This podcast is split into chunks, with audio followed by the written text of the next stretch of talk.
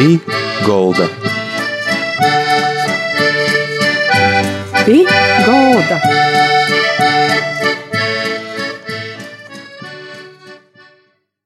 Labadīna vusim!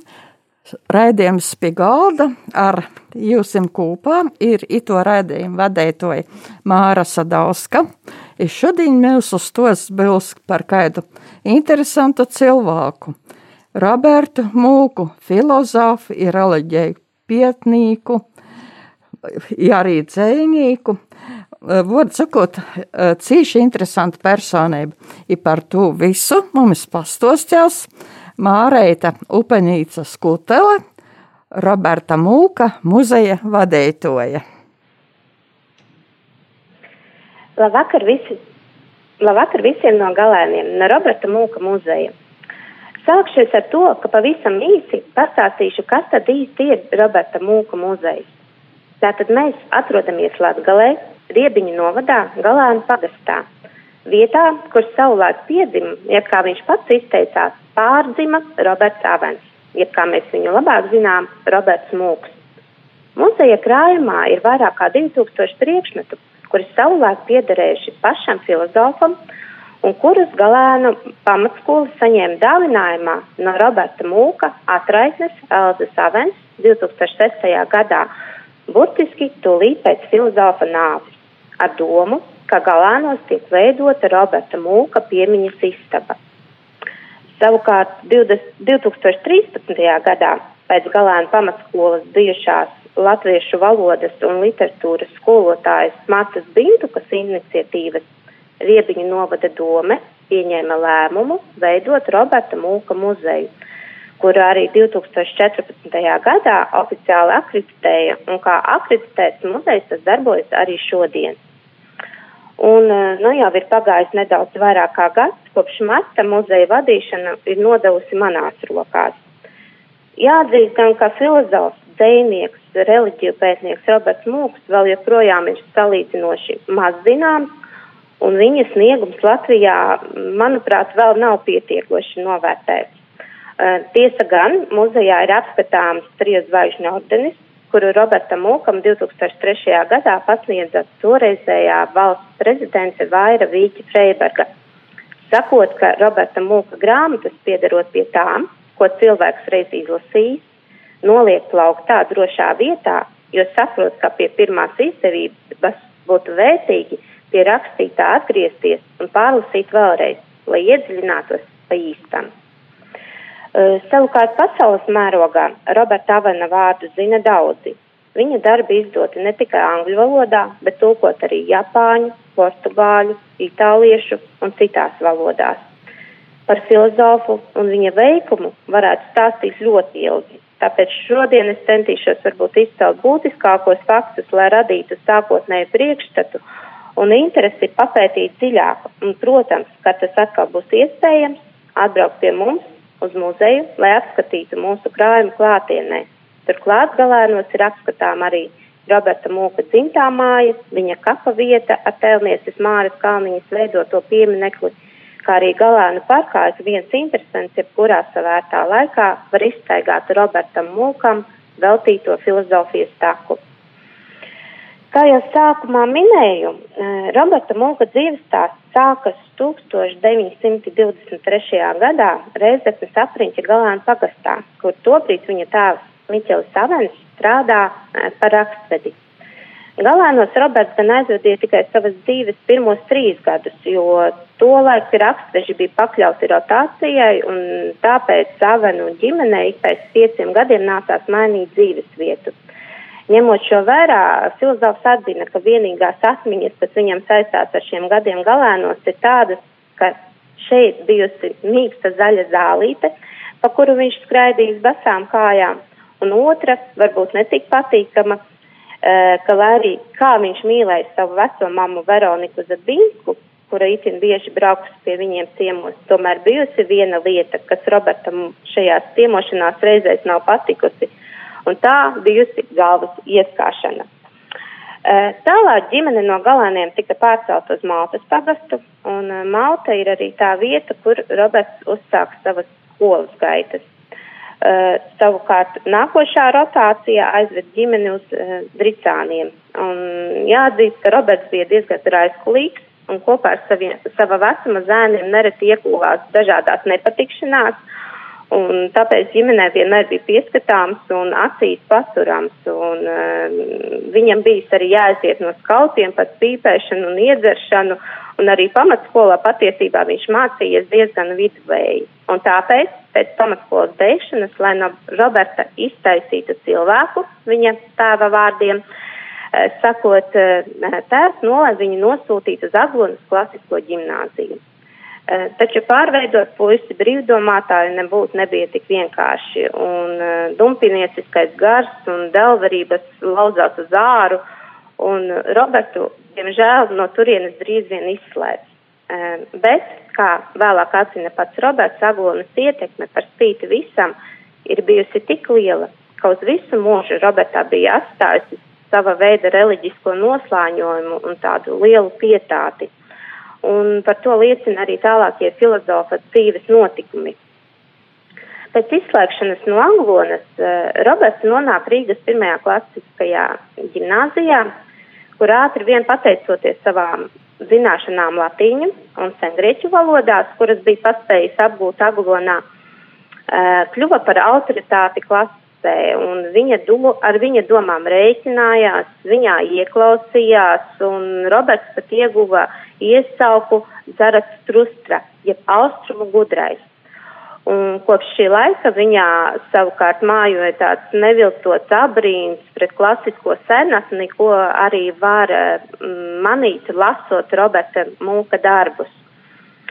Uh, šajā laikā ģimnāzis dzīvo pie savas tantes kopā ar māsīcu Valēriju Lidiņu, ar kuru arī pavada daudz laika un kopā arī daudz piedzīvo. Un Valērija kādā sarunā man stāstīja, kā Roberts tolēk iztēlojies savu turpmāko dzīvi. Viņš teicis, ka viņa dzīvoklī gar visām sienām būšot grāmatu plaukti un valdīšot minimālismu. Būšot tikai būtiskākais ikdienas vajadzībām - gulta, galds, pie kura strādāt, krēsls, ļodiņa un karote. Tas arī viss, vairāk nekā. Citurreiz viņš domājis par darbu, um, ko viņš varētu darīt. Un uh, viņš gribējis uh, uzrunāt cilvēkus, paust savas domas par dzīves jēgu, un tāpēc domājis, ka varētu kļūt vai nu mācītājs vai skolotājs. Un uh, Valērija arī atcerējās, kā reiz abi ar Robertu gājuši garām uzmas baznīcai, un Roberts iedomājies izmēģināt savas spējas uzrunāt cilvēkus. Baznīca tobrīd bijusi tukša, viņš uzkāpis kancelē un sācis prediķi. Centies būt sirsnīgs, kā pienākas mācītājam, balss nopietna, valoda līgana, un uh, izdzirdējis notiekošo kāda tantiņa, kura tobrīd apkopusi baznīcas apkārtni, nostājusies atvērtajās durvīs un uzmanīgi klausījusies Robertā.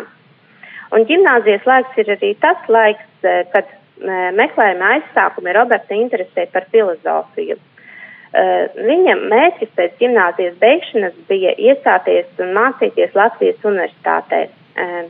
Roberts absolvēja gimnāziju 1942. gadā, un tas ir laiks, kad, uh, lai varētu studēt, vienu gadu vajadzēja pavadīt darba dienestā. Roberts to arī izdara, un pēc atgriešanās 1943. gada rudenī iestājas Latvijas universitātē klasiskās filoloģijas fakultātē bet jau pirmās lekcijas laikā kopā ar kursabiedriem tiek iesaukts leģionā. E, viņiem tiek dots laiks aiziet uz mājām un paņemt to, e, ko katrs uzskata par nepieciešamu. Un no visām lietām, kuras Roberts toreiz paņēma līdzi, ir trīs lietas, kuras ir bijušas viņam klāt visu viņa dzīvi un kuras tagad ir nonākušas arī mūsu muzejā. Un pirmā tā tad ir jaunā derības sengrieķu un latiņu valodā. Otrā Otrais priekšmets ir jaunās darības svētie raksti vecajā drukā, un trešais ir krucifiks, pie kā mēs latgalē to saucam mūceņš.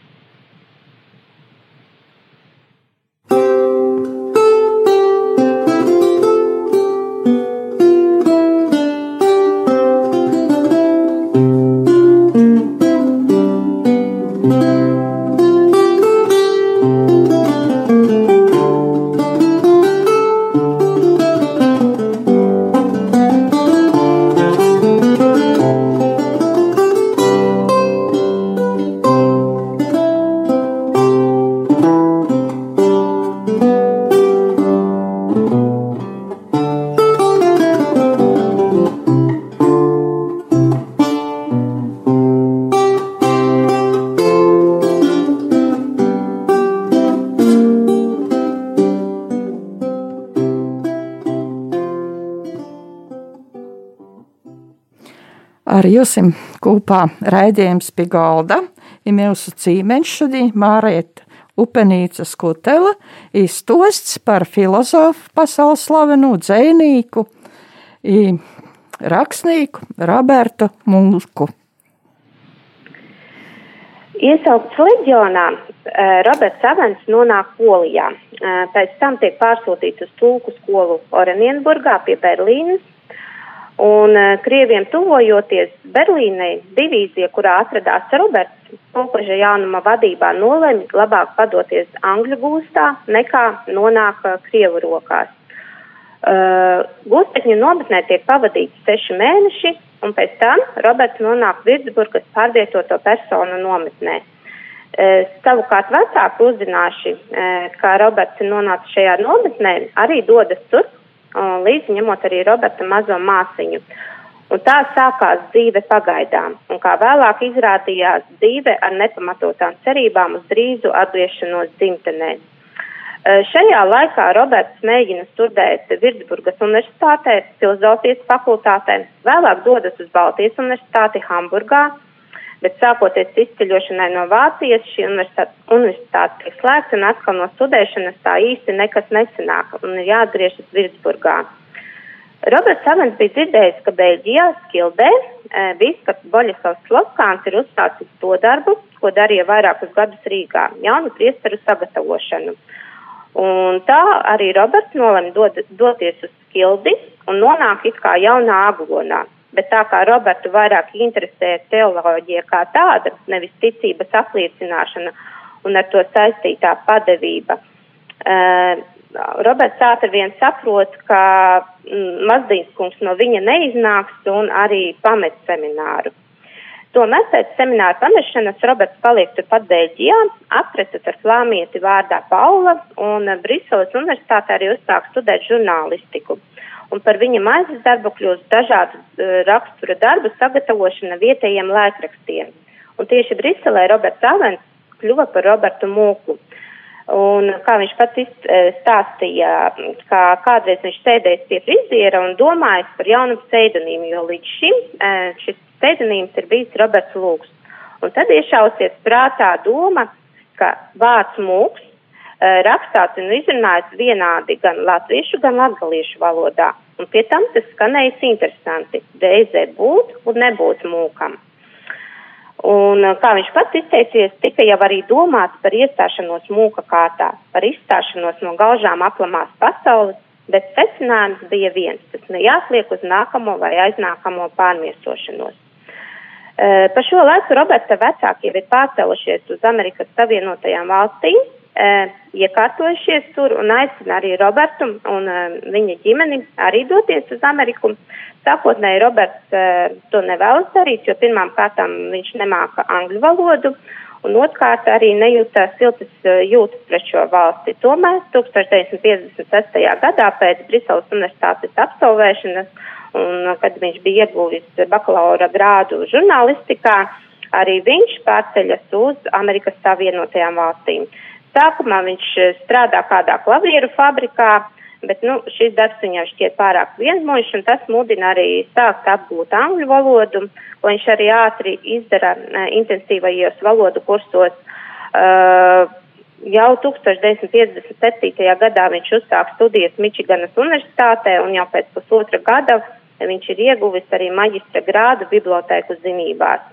Uh, dabū darbu kādā katoļu koledžas bibliotēkā, tomēr arī šis darbs viņam īstu gandarījumu nesniedz. Viņu sāk mākt gāzlaistība un tāda bezjēdzīguma apziņa, un, lai rastu savai dzīvē piepildījumu, viņš iestājas Ņujorkas Forthama iezītu Universitātes filozofijas fakultātē, kur viņš specializējas salīdzinošajā reliģiju vēsturē. Paralēli jau 1963. gadā viņš sāk strādāt Aienas koledžā par mācīs spēku. Tā bija katoļu koledža, un Roberts tajā strādāja piecas dienas nedēļā. Brīvos brīžos, brīvos brīžus viņš atvēlēja studijām, rakstīšanai un ģimenei. Un uh, 1965. gadā Roberts iegūst maģistra grādu salīdzinošajā reliģiju vēsturē un vēlāk studijas Fortham universitātē viņš pabeidz ar filozof, filozofijas doktora grādu. Un var tikai apbrīnot viņa darba spējas, jo vien, viņš mācīja apvienot gan studijas, gan darba, ko, darba koledžā, gan arī vienlaikus rakstīt dažādus filozofiskus apcerējumus.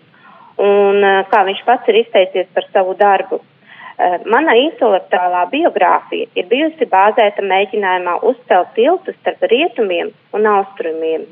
Šajā kontekstā es esmu vienmēr pievienojies mūsdienās plaši izplatītai domai, ka visas reliģijas, ja vien tās nopietni praktizē, ved uz vienu un to pašu mērķi - pie dieva. Un, protams, dzējošana. Dzēja tika rakstīta tikai latviešu valodā. Tā bija moderna, krāsaina, interesanta un pilna ar dažādiem simboliem, kas apliecināja arī autora talantu, inteliģenci un, protams, arī zināšanas. Ehm, neaizmirstams, protams, Roberta atmiņā noteikti palika 1989. gads, kad pirmo reizi Amerikā ieradās eh, Latvijas dzēnieki un rakstnieki. Un šajā tikšanās, reiz, tikšanās reizē Roberts arī ieguva savu mm, turpmāko labāko draugu un domu biedru Māri Čaklo. Uh, un tieši Māra Čaklā un citu rakstnieku mudināts tā pašā gada oktobrī, pirmo reizi pēc 47 gadiem, Roberts atkal ieradās Latvijā. Un um, vēl vairāk Roberta apņēmība apmeklēt Latviju nostiprinājās pēc pensionēšanās. Un 1990. gadā uh, Roberts jau ieradās otro reizi Latvijā. Un uh, šajā reizē viņa ceļi krustojās ar tobrīd tikko nodibinātās kultūras akadēmijas rektoru Pēteri Laķi. Uh, kurš uzaicināja Robertu Mūku lasīt lekcijas kultūras akadēmijas studentiem. Un nedaudz apdomājis to, e, šo priekšlikumu, Roberts arī piekrita. Un var teikt, ka tā arī sākās Roberta Mūka māju ceļš, jo arī Pēterī Latvijā, tāpat kā Mārija Čaklajā, e, Roberts Mūks atrada e, tuvu dvēseles radinieku un draugu. Eh, sākotnēji beidzoties lekciju ciklam akadēmijā, Roberts devās atpakaļ uz Ameriku. Tomēr eh, Robertam ļoti nepatika lidot, un viņš lidmašīnu dev, dēvēja par lidojošu dārku, un tieši šī nepatika veicināja lēmumu pārcelties uz dzīvi Latvijā pavisam. Un tā 1998. gadā Roberts Munks ar sievu Elzu atgriezās savā dzimtajā zemē uz visiem laikiem. Nobeigumā varbūt pavisam īsi par to, kā Roberts Mūks atkal nonāca galēnos. Tas notika pateicoties Matē Bindukai, kura 1992. gadā pat iznāca enciklopēdija Latviešu rakstniecība biogrāfijās, izlasīja par tādu Robertu Mūku, kurš esot dzimis galēnos. Šis fakts izraisīja interesi, bet kādu laiku tas tā arī viss palicis bet vēlāk laikrakstā diena atkal Marta Lasta, kā Roberts Munks esot eh, atgriezies Latvijā uz pastāvīgu dzīvi. Un tā Rakstnieku savienības sasniecība viņai izdevās uh, sazināties ar Robertu Mūku, un jau 2000. gada septembrī Roberts ar, ar, kopā ar kundzi Elzu ieradās pirmo reizi uz dzējas dienām Galāna pamatskolā. Un šis tad arī bija aizsākums eh, turpmākajām draudzīgajām attiecībām starp galēnu skolu un filozofu līdz pat viņa aiziešanai aizsaulē. Un uh, savu sakāmo es vēlētos noslēgt ar Roberta Mūka citātu uh, par viņa dzīvi. Visu mūžu es esmu gājis pie Dieva. Mani nodarbina Dieva jautājums. Dieva esamību nevar racionāli pierādīt, bet, un tas ir izšķiroši, cilvēks pats var sevi attīstīt dievišķo dirksti kas viņam ļauj nonākt saskarsmē tra transcendentālo dievību. Pamat princips te ir tikai līdzīgs saprot līdzīgu, tāpat kā tas ir mīlestībā. Dievam jābūt tāpēc, ka bez kaut kā tāda cilvēka dzīvei nebūtu jēgas. Mārēt, kādi ir kontakti muzejiem, kā var pieteikties ekskursējos, redzēt to lielos dārgumus, kas ir savākt visus tos lietas no Roberta Mūka grāmatas. E, jā, tiklīdz kā atkal tiks uh, atļauta, atļauts muzejam uzņemt apmeklētājs, mēs gaidām jebkuru interesantu un iepriekš pieteikties var rakstot vai no zēpastu marite.upeniece at inbox.lv vai arī zvanot uz telefonu 283 62 473. Tātad telefons vai viņa reizi? 283, 62, 473. Kas jums izraisa tādu abrēnu par nu, ito cilvēku, nu, jo dzēvis, jo uzskatim?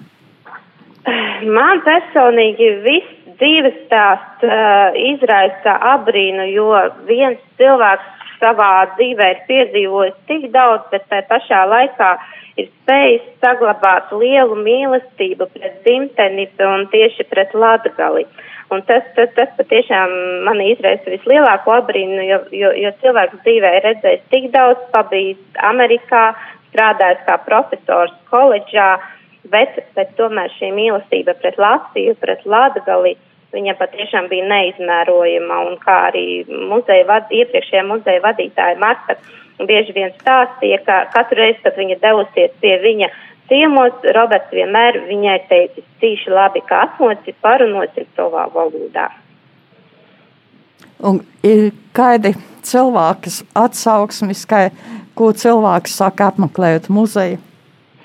E, cilvēki, saprotiet, dalās divās daļās vēl joprojām. Ir cilvēki, kuri jau nāk ar priekšzināšanām un, uh, un ir uh, tā jūtā par to, ko viņi uh, šeit ierauga par visu to mūsu krājumu, jo mums krājumā ir gan paša Roberta rakstītie darbi un, kā jau es teicu, lietas, kas viņam ir piederējuši, piederējušas. Un ir tādi cilvēki, kuri domā, ka te patiešām ieraudzīs kaut ko, kas saistīts ar klosteri, jo saproties mūks, un, bet viņi arī nedodas projām vīlušies, jo arī dzird šo Roberta Mūka dzīves stāstu un, un, un uzzina to viņa dzīves filozofiju un, un, un arī dodas projām apņēmības pilni e, patiešām pētīt, kas tad īsti ir Roberts Mūks un, noteikti arī izlasīt kādu viņa uh, sarakstīto darbu. Lielas paldies Mārēt par to stīmu šodien. Tātad ar mums kopā bija Mārīta Upanieca Skutela, Roberta Mūsa, muzeja vadētoja, Paļģis Mārēt. Ir tad cilvēkiem jāļreiz telefons, pa kuru var zvanīt. 283 62 473. Vai rakstāt uz e-pasta? Mārītes.upenieta at inbox.lv Sirsnieks pārdis, ir tad, tad citai reizei atkal atvadās raidījums pie galda.